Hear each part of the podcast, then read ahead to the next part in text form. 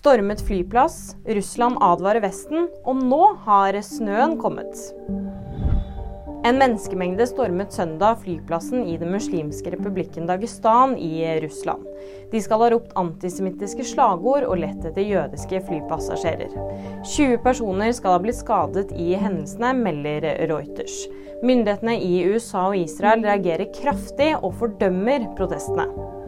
Russland advarer Vesten. Russlands forsvarsminister advarer om at eskalering i konflikten mellom Russland og Ukraina kan føre til direkte militært sammenstøt mellom atommakter. Nå har snøen ankommet Østlandet. Meteorologene sendte ut gult farevarsel for snø, og det gjelder fram til tirsdag. Så nå bør du regne ekstra god tid under morgeners mandag og få på vinterdekkene. Og nyheter de finner du alltid på VG.